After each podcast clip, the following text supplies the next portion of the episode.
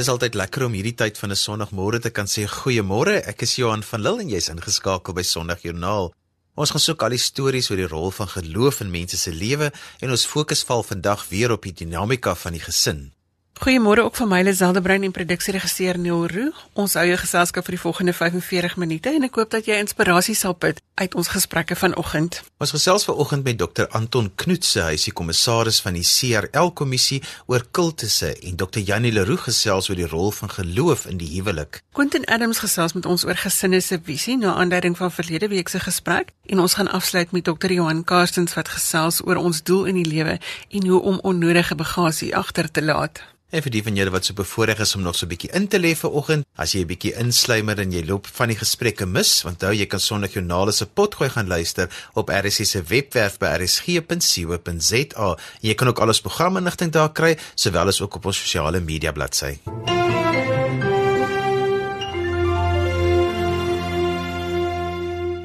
Ons het onlangs in die nuus gelees van die aanval op polisielede in Nkobo in die Oos-Kaap en Dr Anton Knoetse, predikant van Sekunda en kommissaris van die CRL kommissie, sluit vanoggend by ons aan om hieroor te gesels na aanleiding van ons gesprek vroeër oor selfregulering van godsdienstgroepe. Môre Anton. Goeiemôre Lisel, dankie vir die voorreg.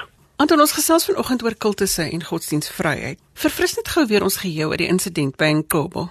Ja, daar was 'n groepering wat hulle self 'n kerk genoem het uh, godsdienstige groepering wat 'n uh, hele aantal keer rondgeskuif het deur die land, maar uiteindelik by Nkobo hulle self gevestig het en kenmerkend van so 'n kultusgroepering, hulle het hulle vreemde name gegee met baie vreemde titels. Hulle het hulle die Seven Angels Ministries genoem. En natuurlik is dit baie moeilik om iemand te konfronteer wat so hoë status het dat hy al by die normale titels verby is en al by by die engelstatus is. Maar ons het dadelik opgemerk tydens ons ondersoek dat hierdie uh, gevaarlike groepering is want hulle is besig met 'n lewenstyl wat hulle nie sal kan handhaaf nie.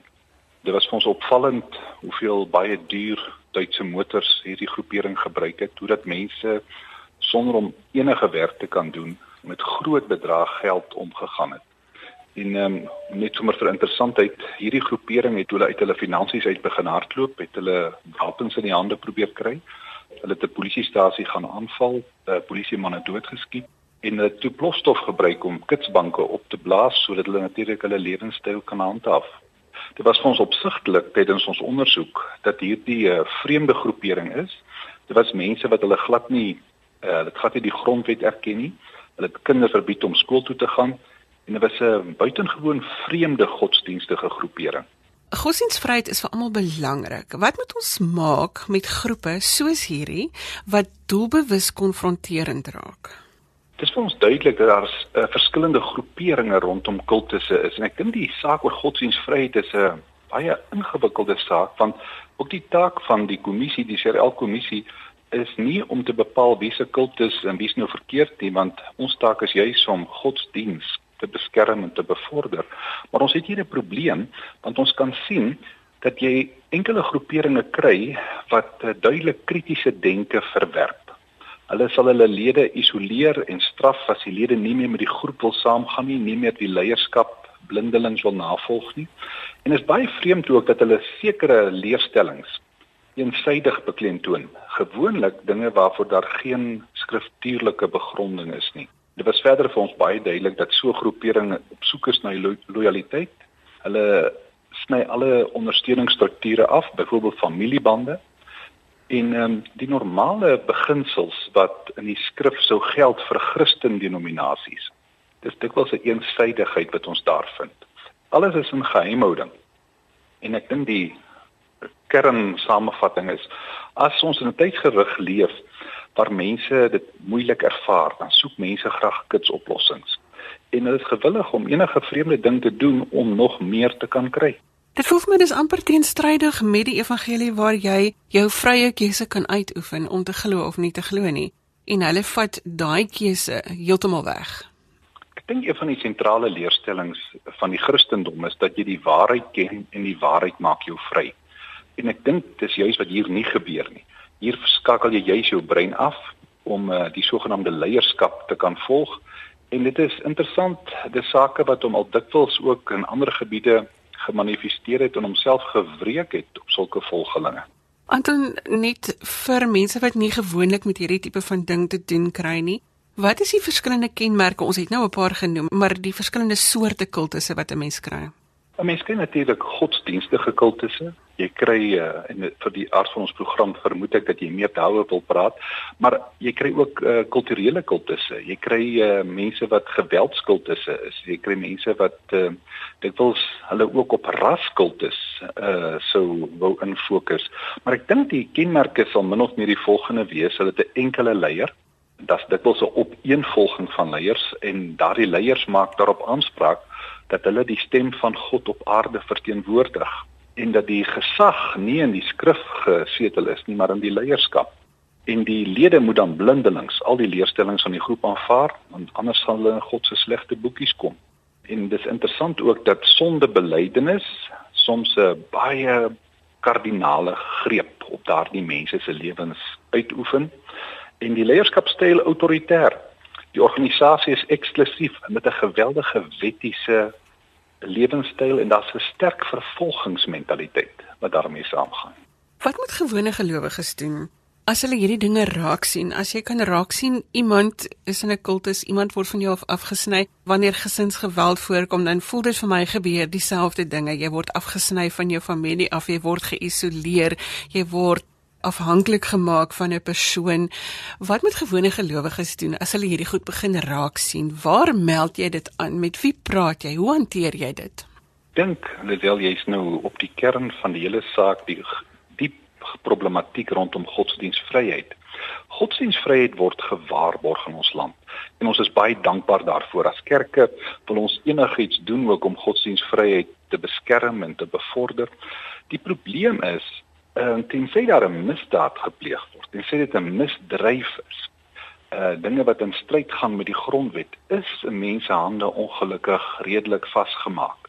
Ek dink die groot uitdaging vir ouers en vir familielede as hulle van hierdie dinge sien gebeur, is om die kommunikasielyn te probeer oophou.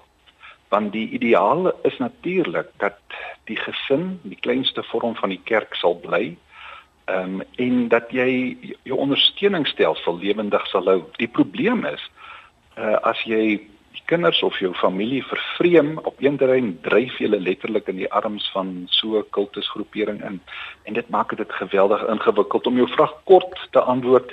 Daar is ongelukkig nie veel wat 'n mens kan doen nie behalwe in ons geval het daar 'n aantal groeperinge onder ons aandag gekom Ons het byvoorbeeld hierdie saak gaan ondersoek. Ons is nog besig. Ons was uh, verlede week het ons in die parlement verskyn om juis hierdie saak verder te probeer verduidelik. Daar was navraag daaroor wat het verkeerd gegaan. Hoe is dit moontlik dat so 'n groepering vanuit 'n kerk sulke misdrywe kan beplan? 'n Kerk is onderstel om aan die gemeenskap diens te lewer daar is nie altyd maklike antwoorde nie, maar ek dink dit onderstreep die hele gedagte, die vraag waarmee ons almal worstel op godsdienstige gebied, die verband tussen selfregulering, godsdienstvryheid en die kommissie dink ek wil graag dit beklemtoon dat dit so insident die noodsaak van selfregulering onderstreep. Ek dink die dit sal gerustig by sommige van die luisteraars bring om te sê ons wil baie graag die model wat in die meeste erkende kerke werk waar daar verantwoordelikheid gevat word vir eie huishoudings. Wil ons graag op daardie manier probeer voortsit en ook uitbrei na van hierdie alleenstaande organisasies. Antonin, as jy nou net jou domineehoed vir 'n oomblik opsit, wat maak jy as jou kind by die huis kom en sy sê of hy sê ek verwerp nou alles wat jy vir my geleer het, alles van die kerk, alles van geloof. Julle is op die verkeerde pad, julle glo die verkeerde goed en ek wil nou niks hiermee te doen hê nie. Ehm uh, dis ja, dis nie 'n uh, buitengewone vraag wat jy vra nie. Ek dink baie ouers sal nou instemmend uh, met jou wees want hulle verstaan die realiteit hiervan. Ek dink 'n mens kan net vir ouers aanmoedig, probeer om die kommunikasielyn oop te hou. Probeer om steeds die verhoudings eerste te probeer stel. Ehm um, dis nie altyd moontlik om te verstaan waarom daar nou so gereageer word nie. Maar die domste ding is om daardie verhouding af te sny want dit gaan hulle net dieper indryf ook by daardie vreemde organisasie. Anton baie dankie vir die saamgesels vanoggend. Baie dankie Liselde, was 'n voorreg. Dr Anton Knutse is die kommissaris van die CRL kommissie. As jy sopas ingeskakel het, sê ons goeiemôre. Die program is Sonnig Joernaal saam met Johan Lazelle en Neil. Jy weet nou al in hierdie tyd dat RSG se webblad die plek is waar jy alle inligting kan kry en waar jy ook wêreldwyd na RSG kan luister. Die adres is rsg.co.za. Ons is ook op DStv se audiokanaal 813 en as jy vir ons 'n SMS wil stuur, kan jy dit doen by 45770 teen R1.50 per SMS. En onthou ons hoor baie graag van jou. Quentin Adams is opvoedkundige sielkundige en deeltydse dosent by die Universiteit van Stellenbosch en hy is saam met ons in die ateljee om te gesels oor gesinsverhoudings. Môre Quentin. Goeiemôre Lisel en goeiemôre luisteraars. Ons het verlede week begin gesels oor 'n gesin se visie en dat gesinne 'n visie moet hê en baie mense het gevra wat en hoe en dis waarop ons vanoggend fokus en dis hoekom jy weer hier by ons kuier vandag. Jy gaan vir ons sê hoe sou 'n gesin se visie kon lyk? Ja baie dankie. Ek dink dit is so so 'n belangrike onderwerp om oor te praat want ek staan altyd op hierdie skrifgedeelte van Spreuke 29 vers 18 dat uh, wanneer daar geen visie is nie, dan gaan mense ten gronde. En dit is vir my so belangrik dat gesinne 'n visie moet hê. Hulle moet rondom 'n tafel kan sit of hulle moet op 'n bank kan sit in die kamer en dan moet hulle gesels oor waarheen is ons as gesin op pad? Wat wil ons baie graag uh, bereik in die lewe? Wat soort tipe van gesin ons wil wees? En ek dink dit is absoluut belangrik dat daai is so 'n kernvraag wat gevra moet word want as daai vrae nie gevra word nie dan gaan ons nie weet waarheen is hierdie gesin op pad nie wat wil ons graag bereik nie watter tipe van kultuur wil ons binne in hierdie huis hê nie en daarom dink ek is belangrik dat ons hierdie gesprekke moet hê want byvoorbeeld daar's verskillende visies wat 'n mens kan hê.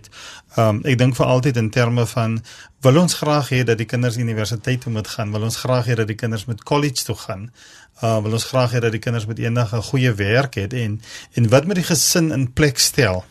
As ons wil hê dat die kinders universiteit toe moet gaan of college toe moet gaan of 'n goeie werk moet hê. En ek dink dis vir my belangrik dat voordat jy goed in plek sit, moet jy eers kyk na die visie. Waarheen ons wil wil bereik en wat is die droom wat ons wil bereik? Ek het al 'n hele paar uh, families ontmoet wat hier in Januarie kom hulle by mekaar en dan sit hulle rondom en hulle skryf hulle drome neer of hulle het 'n kollaats. Ek het 'n familie ontmoet wat 'n kollaats eendag gedoen het en elkeen kry 'n geleentheid om sy kollaats te verduidelik. Nou ek weet ou gesinne is gewoonlik baie baie besig en nie almal beskik oor hierdie vaardigheid of kundigheid om 'n kollaats te maak nie, maar ek dink is belangrik dat ons gespreksgeleenthede moet hê binne die huis om vir die kinders te vra waar ons op pad is. En ons weet dat veral adolessente het baie uitdagings. Hulle word beïnvloed deur hulle vriende, hulle word beïnvloed deur portiergroep, hulle word beïnvloed deur wat by die skool gebeur, wat buite die skool gebeur. En daarom is dit belangrik dat wanneer 'n kind deur 'n uitdaging gaan, dan moet jy vir die kind kan sê dit is wat ons graag wil hê. Ons wil graag hê dit is waarheen jy moet gaan, dit is wat ons graag wil hê waarheen jy moet beweeg. Uh sodat wanneer die kind deur 'n storm en drangperiode gaan, dan weet die kind dat ten, ten spyte van waar hy reg gaan, dit is waarheen ek op pad is. En ek dink dit is absoluut belangrik dat ons hierdie roetekaart vir vir die gesinne moet hê. Ons moet 'n roetekaart hê van hoe wil ons uh sosiaal groei. Hoe wil ons graag akademies groei en intellektueel groei en ook emosioneel groei en in terme van sosiaal wil ons 'n bydrae maak tot die tot die breër samelewing. Ek dink dit is vrae wat ons moet vra want want want die skrifgedeelte sê interessant is dat as daar nie 'n visie nie is, dan gaan mense ten gronde. En ek dink baie keer dat hierdie gesinsverbrokkeling en hierdie gesinsuitdagings wat ons het en hoekom daar so 'n groot mate van verbrokkeling is, is reeds omdat ons nie 'n doelwit het nie. Ons het nie daai droom wat ons wil streef nie pa en ma droom nie meer oor die toekoms nie. Hulle droom nie oor 'n beter situasie nie. Hulle droom nie oor waarheen hulle graag wil hê hulle kinders moet beweeg nie. En daarom dink ek is belangrik dat wanneer ons hierdie gesprek het, moet dit 'n konsulterende gesprek wees. Dit is nie waar dit afdwingbaar is nie, maar dat daar ruimte geskep moet word om te praat oor visie. Dit gebeur nou wel vandag dat ma en pa binne 10 of 15 jaar, selfs partykeer binne 3 jaar besluit hulle gaan nou nie meer in dieselfde huis bly nie. Dit beteken nie die visie kan nie dieselfde bly nie. En ek dink baie keer wanneer daar 'n egskeiding is, is dit wanneer ma en pa twee verskillende visies het en nou wil hulle mekaar eintlik bykom deur die kinders. Ja, dit is 'n baie hartseer situasie want ek kan onthou in die verlede het ook nog 'n praktyk gehad het. Ehm um, was dit baie moeilik om kinders wat deur wat deur egskeiding wat die ouers deur egskeiding gegaan het ehm um, met hulle terapie te doen binne 'n konteks. Maar ek dink dit is belangrik dat ons wil kyk waarheen wil die kinders gaan dat dat hierdie twee ouers met hulle verskille met hulle een kan sit en vir hulle sê maar ons wil baie graag hê dat ons 'n Ons se kinders moet eendag geleerd wees. Ons wil baie graag hê hulle moet 'n bydrae maak tot die samelewing. Ons wil baie graag hê die kind moet 'n CEO wees of die kind moet 'n besigheidspersoon wees of die kind moet in landbou wees of ons wil hê die kind moet in die militêre akademie wees en so aan. En ek dink dis belangrik dat ons ons verskillende ons verskille en ons gruwe wat ons met mekaar het uit die weg het met haar om om seker te maak dat ons 'n duidelike doelwit vir ons kinders kan sê. En ek dink dit is so krities belangrik want ek werk in gemeenskappe waar kinders regtig op pad byster raak waar kinders net nie meer hier geïnspireerd is om om te kan droom nie. Hulle is net nie geïnspireerd om om vorentoe te kan beweeg nie. En daarom is dit belangrik dat ons ek dink ons lê absolute min klem op visie binne in ons gesinne en waar ons graag wil beweeg. Sondagjoernale se geloofsprogram. My vraag is, watter rol speel geloof in hierdie visie van 'n gesin? Ek dink absoluut belangrik. Ek het met dokter of professor James Gabrino van Kanada gewerk en hy het so 4 jaar gelede dat hy vir my kom besoek en een een van die redes hoekom ek van James Gabarino verskriklik hou is hy sê altyd dat as 'n kind nie 'n geloofsbasis het nie en hy kan gaan deur 'n storm en drankperiode en hy kan raak betrokke in enige kriminele aktiwiteite. As daai kind nie geloofsbasis het, dan is dit baie moeilik om daai kind te kan reclaim weer terug. Maar as daai kind 'n geloofsbasis het, dan weet ons daai kind kan weer terugval na 'n goeie waardesisteem. En ek dink dit is absoluut belangrik dat dat ouers moet gesels ehm um, daaroor en ek dink hulle moet daaroor gesels dat hulle wil hulle kinders bekendstel uh om 'n goeie verhouding met met God te kan hê. En ek dink vir wat vir my kommerwekkend is op hierdie stadium is hoeveel hoe baie kinders nie in die sonnaarskool is nie. Ek kom met die sonnaarskool uit Uh, ek was 'n sonnaarskoolonderwyser gewees en en en en en die goed wat ons in die sonnaarskool geleer het was goed soos omgee. Ons het rolle speel oor die barmhartige Samaritaan ge, gedoen en ons sien hierdie kinders deesdae wat baie ego gesentreerd is. Dit gaan net oor hulle. Hulle ken nie die die storie van die barmhartige Samaritaan nie. Hulle het nie idee nie. Ek was eendag by 'n skool gewees toe vra ek hulle oor die barmhartige Samaritaan en dit het Grieks geklink. En vir my is dit belangrik dat ons 'n goeie geloofsbasis moet stel vir kinders en hoe vroeër ons dit kan doen, hoe beter ons kan doen, want ek glo dat die geloofsbasis gaan vir kinders kan help om hulle te rig en natuurlik om te besef dat hulle 'n goeie verhouding met God kan hê. Jy het verlede week genoem van grense binne 'n gesin, hoe belangrik dit is. Kan grense 'n rol speel wanneer 'n gesin 'n visie opstel? Ja, beslis, want wat gebeur is dit gee vir ons 'n rigting waarna toe ons beweeg en dit gee ook vir ons 'n roetekaart om te sê dit is waar ons gaan betrokke raak nie en dit is waar ons nie betrokke gaan raak nie. Ehm um, byvoorbeeld na 'n dans toe gaan in die aand. 'n 14-jarige kind wat na jou toe kom om te sê ek wil gaan dans vanaand. Ehm um, wat is die visie van hierdie gesin? Waarheen wil hierdie gesin beweeg? As ons weet waarheen hierdie gesin be beweeg, beteken dit dit gaan vir ons die raamwerk gee om die grense te kan stel vir wat ba basies moet gebeur. En ek dink dit is absoluut belangrik dat ons gaan nie grense kan stel as ons nie weet waarheen die kind wil be moet beweeg nie, want dan beteken die grense eintlik nie veel baie nie, want die kind gaan nie verstaan hoekom ons hierdie grens het nie. En ek dink veral in die wanneer kinders in adolessente jare is, is dit so belangrik dat hulle moet weet waarheen hulle op pad is. Hulle moet weet wat is hulle drome, hulle moet weet wat is hulle doele in die lewe. Sommige keer sukkel mense om regtig hulle doel uit te vind, maar ek dink dan in terme van dit sal ons baie makliker kan grense stel. Ons moet vir hulle kan sê wat is reg en wat is verkeerd, wat is toelaatbaar en wat is nie toelaatbaar nie in terme van waar hulle op pad is. Dit gaan dalk 'n paar gesinsgevegte ook verminder nie. As kinders reëls het en hulle weet wat is toelaatbaar en nie toelaatbaar nie, dan hoef 'n mens nie in hierdie gesinsgeveg of gesprek betrokke te raak want jy weet mos nou dit is waar ons nie gaan nie. Ja, ek dink dit is absoluut belangrik. Ehm um, en ek dink dit verminder gevegte ook want wat gebeur is daar's 'n verstand onder mekaar dat dit is wat reg is en dit is dit is wat verkeerd is.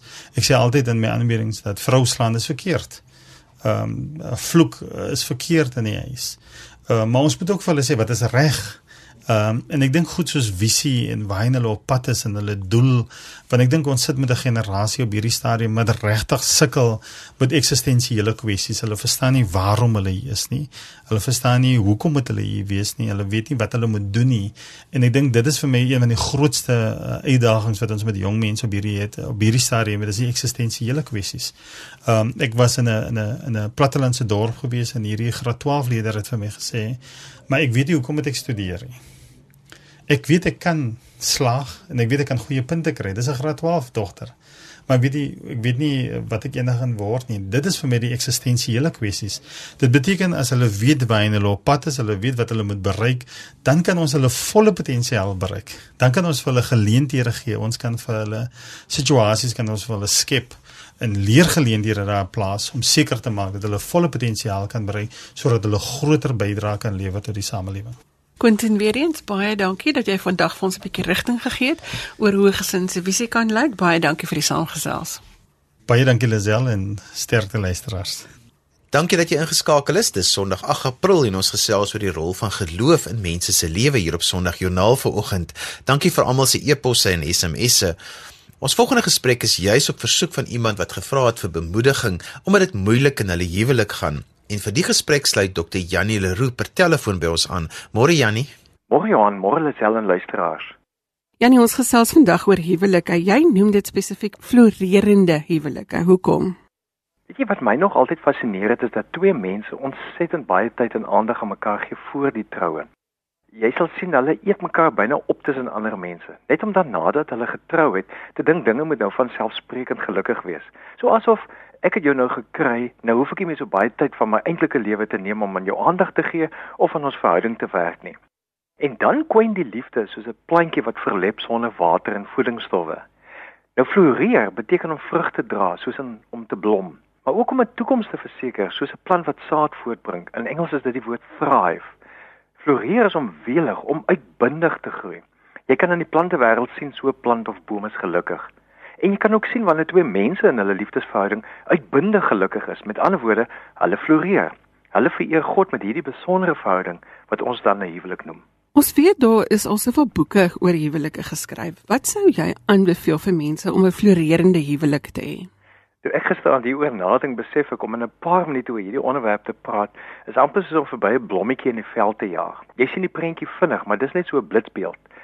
So kom ek probeer net enkele beginsels verduidelik met die woord kies. Nou ons weet almal dis die Engelse woord vir soen, maar dis ook al gebruik vir keep it simple stupid. ek wil graag die letters van die woord kies gebruik, die Engelse kies, sodat mense wat getroud is sal onthou om te soen en ook die vier belangrike beginsels sal bly naleef om te floreer. Ek is seker as ek vir jou sê hy is stupid, dan is ek in die moeilikheid. Nou is ons nou skieurig. Waarvoor staan die letter K in kies? Kom ek noem net eers oor kies oftewel soen. Het jy geweet daar's meer as 100 miljard senuweeselle oor jou twee lippe versprei? As jy soen, laat weet hierdie senuweeselle dat die goedvoelhormone vrygestel moet word. Jou soen laat onder andere dopamine met eens los in jou brein en jy voel hemels. Dopamine gee die gevoel van plesier en ook om aan te hou met wat lekker is. Daar's nog ander goed wat ook met jou lyf gebeur, maar ek wil net nog eene noem. 'n Soen laat jou liggaam die hormoon oksitosin afskei. Nou oksitosin laat onder andere stres afneem en dit beïnvloed die gevoel van geluk en om bly te wees om by mekaar te wees. Dit verhoog die gevoel van koneksie. En dit bring my by die eerste letter en dis letter K van kies. En dis koneksie. Koneksie is hierdie liefdesverbinding met mekaar. Mense wat 'n floreerende gelukkige huwelik het, bly werk om hierdie koneksie ten alle koste te behou. Koneksie het alles te maak met wat en hoe jy kommunikeer. Ek het nogal baie waarde gevind te Gary Chapman se vyf liefdestale. Hy sê elkeen van ons het 'n primêre liefdestaal nodig wat jou maat met jou moet kommunikeer sodat jy geliefd kan voel. Ek noem hulle vinnig. Om geskenke te ontvang is een, kwaliteit tyd is 'n ander. Dan ook woorde van bevestiging, dade van diens en fisiese aanraking. Ons is geneig om ons voorkeur liefdestaal vir jou maat te gee, maar dis nie altyd wat jou maat se voorkeur liefdestaal is nie. Jy's byvoorbeeld die een wat floreer op fisiese aanraking en sal altyd aan jou maat wil raak. Terwyl jou maat moet leer om aan jou te raak, moet jy doen wat jou maat se voorkeur is.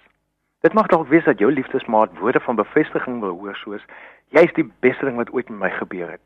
Om koneksie te help groei, moet ons mekaar bly waardeer. Nou die sielkundige Barbara de Angelis sê dat sy drie emosionele voedselgroepe identifiseer wat ons nodig het. Dis net so sekere voedingsstowwe wat ons nodig het. Sy noem die drie A's in Engels attention, affection and appreciation. Jy gee aandag, jy wys jou gevoelens van liefde en jy druk waardering uit. Nou dit bring als koneksie. Mense verskil van mekaar, raak kwaad omdat die ander een nie jou punt insien nie en dan gaan hulle daai ystydperk binne soos ysbeer wat hiberneer. Nou ek is vinnig van geaardheid en toe ek eerlik daaroor dink, besef ek dat ons liefdeskonneksie verbreek omdat ek te vinnig afleidings maak of net halfpad luister. So ek moes leer om gereeld om verskoning te vra. En nog iets wat my gehelp het is om ek taal of voelwoorde te gebruik. Ek voel, ek ervaar, ek dink. Nou dis minder bedreigende taal en dit soek koneksie. En natuurlik mag elkeen 'n eie standpunt hê. Daarom moet ons begin vra soos meningsverskil, wat is die beginsel? Want dit help alles om koneksie te verseker. Die laaste ding wat 'n mens moet doen, is mekaar buite kom met snedige opmerkings, soos daai paartjie wat kwaad was vir mekaar. Hulle ry verby 'n klomp donkies en die man vra snedig: "Familie van jou?" Waarop sy bitsig reageer: "Ja, my skoon familie." ja, so dit kan nogal mooi les afgee, Janie. Gesels met ons oor die U van kies. Die U staan vir my vir identiteit. Wanneer ons trou mekaar beloof, moet ons asseblief nie daaronder verstaan jy moet nou jou identiteit totaal prysgee nie. Jy bou jou eie identiteit en jy werk saam aan ons identiteit. Die evangelis Billy Graham en sy vrou Ruth was vir meer as 63 jaar getroud. En hy het gereeld gesê hulle is wat hy noem happily incompatible. Dit beteken jy mag verskil van mekaar, maar jy het ook 'n gesamentlike identiteit binne die huwelik. Iets wat my nogal opgeval het van my ouers se huwelik, is dat hulle altyd wanneer hulle ergens geloop het, hande vasgehou het. Uh, my skoonouers ook. Dit het deel van hulle identiteit gevorm. Nou huweliksmaats is mekaar se vriende, maar hulle het ook 'n dieper identiteit van hulle gedeelde waardes. Huweliksmaats mekaar se vriende, maar hulle het ook 'n dieper identiteit van hulle gedeelde waardes. Mense wat trou, vorm 'n liefdesvennootskap waarin hulle bly werk. Daarom moet hulle hulle top 3 waardes uitspel. Almal sê ek wil 'n gelukkige huwelik hê, maar hulle moet moeite doen om met hulle waardes uh, wat hulle dan vir daai gelukkige huwelik verstaan om dit uit te spel vir al die volgende 60 plus jare en dit vorm die basis vir hulle nuwe identiteit. Ek is baie lief om by huweliksbevestigings te vra wie is die langste getroud en dan vra ek wat is julle geheim? Nou dit gee dikwels baie kostelike antwoorde af en daarna vertel ek dan die storie. 'n Vrou vertel op haar kleindogter se troue het die plaater Joggie aan die gaste gevra wie is die langste getroud. Dit blyk toe dis hierdie vrou en haar man. Toe vra die plaater Joggie: "Wat advies sal julle aan hierdie pasgetroudes gee?" Sy sê die drie belangrikste woorde in 'n huwelik is: "Jy's waarskynlik reg." Toe kyk almal na haar man en hy antwoord: "Sy's waarskynlik reg." Nou saam vorm liefdesmaats wat huweliksmaat is, 'n wenspan. Hulle bly werk aan hulle eie maar ook aan hulle saamidentiteit om te floreer. Hulle onthou hulle is ewe belangrik en hulle is mekaar se ewe mense. Dit klink vir my na goeie raad daai jy's waarskynlik reg. Ek dink jy moet sommer daai sinnetjie neerskryf terwyl jy nou luister. Janie, ons het gesels oor koneksie en oor identiteit. Wat kan ons leer van die eerste S in kies? Die een S staan vir saam. Dis hy saam wees, saam dink, te saam doen, saam droom. As een persoon totaal in sy of haar werk opgaan sodat nie tyd is vir saam wees, saam dink, saam doen, saam droom nie, dan verloor hierdie liefdesverhouding die groei wat noodsaaklik is. Nou dinge wat lewensmaat saam met mekaar beleef, gee die stories af wat hulle met mekaar bly deel. Hulle doen gereeld iets wat hulle saam uit hulle gemaksone neem. Om te toer of vakansie te hou in 'n ander deel van die land of die wêreld, dit neem my mens altyd jou gemaksone. Of stap saam in 'n kunsgalery rond en beleef saam ander mense se uitdrukkings van die lewe. Uh sien byvoorbeeld uit na iets wat julle saam kan doen. Om saam te fliek deel ook ervarings. Carol Dweck sê juis in haar boek Mindset dat mense wat 'n groei ingesteldheid het, glo dat hulle mees basiese vermoëns nog meer kan ontwikkel. Haar navorsing wys dat brein en talent is net die beginpunt. Deur te ontwikkel en buite julle gemaksone te gaan, kweek dit 'n liefde aan vir leer en 'n veerkragtigheid wat julle bly motiveer. So mense wat wil floreer in huwelik, bly saam leer en saam ervaar en uiteindelik bly mense dan saam groei. Nou saam het ook te maak met seksualiteit. 'n Floreerende seksualiteit bring dieper saamwees en saam ervarings. Nou in 'n stadium is ek 'n spreker by 'n vrouekamp en ek vertel vir die dames dat ons dalk miskien eerder moet praat van sensueel as van seksueel. En een sit so reg voor my en luister aandagtig. Met een sy kliphard en dis nou 'n aanleiding van 'n advertensie wat in daardie tyd op televisie was. Oh, I love it when you talk foreign to me. Nou partykeer voel hierdie gesprekke bietjie vreemd, maar dit bring my ook sommer by die gedagte van humor. Iets wat mense baie laat saam goed voel, is gedeelde humor. Om saam te lag gee soveel wonderlike gelukshormone af dat hulle sommer meer liefdevol vir mekaar ook op die eind voel. Wat is die laaste S van kies se beginsels? Wat moet ons daarvan weet? Hierdie S mag die laaste wees in die woord kies, maar beslis nie vir simpel nie. Dit is eintlik die basis of fundament van 'n floreerende huwelik. Hierdie S staan vir spiritueel. Prediker 4:12 sê: "Een alleen kan oorweldig word. Twee saam kan weerstand bied. 'n driedubbele tou breek nie maklik nie. Nou in 'n floreerende huwelik is die sê ding two's company three's a crowd. Dis nie heeltemal waar in 'n floreerende huwelik nie. 'n Floreerende huwelik het regtig die genade van hierdie derde party nodig en dis die genade van God. God is die enigste derde party in die huwelik. God gee vir ons die geskenk van liefde en nou moet ons verantwoordelikheid neem om hierdie liefde te bly koester en te laat groei. Liefde sê Galasiërs 5 ook bovendien vir ons is 'n vrug van die Gees. So meer ons groei in ons verhouding met God, hoe meer gaan ons liefde beleef en gelukkig voel in ons liefdesverhouding met mekaar. Nou dit is baie belangrik om God saam te beleef, soos om saam kerk toe te gaan of saam 'n pelgrimsreis te ervaar of net saam oor God te praat of saam te bid vir wysheid. So sit ritmes en rituele in plek wat hierdie verhouding met God help groei en mag julle saam die seën van God in oorvloed beleef sodat julle vir ewig en altyd bly floreer. Baie dankie Jannie. Dit is so belangrik dat ons sorg dat ons huwelike gesond is sodat ons gesinne ook gesond kan wees. Ons het gesels met Dr. Jannie Leroux en jy kan meer van sy inspirasie lees by sy blog jannieleroux.co.za of jy kan natuurlik vir hom skryf by jannie@jannieleroux.co.za en ons sal kyk of ons een of twee van hierdie punte ook op ons Facebookblad kan sit. Baie dankie Jannie vir die saamgesels. Baie dankie, is 'n groot voorreg. Dr. Janie Leroux vir ons help dink oor die huwelik en die rol wat geloof in die huwelik speel. Kry solank daai pen as jy ons kontakdetail aan die einde van vandag se program wil neerskryf. Dis amper tyd vir ons om te groet. Om aan te sluit by verlede week se gesprek oor die verskillende seisoene in 'n mens se lewe, sluit Dr. Johan Karstens by ons aan om te gesels oor ons doel en al die bagasie wat ons saamdra. Goeiemôre Johan. Sel baie dankie nogmaals en weer eens baie baie dankie vir ons luisteraars wat ons skakel.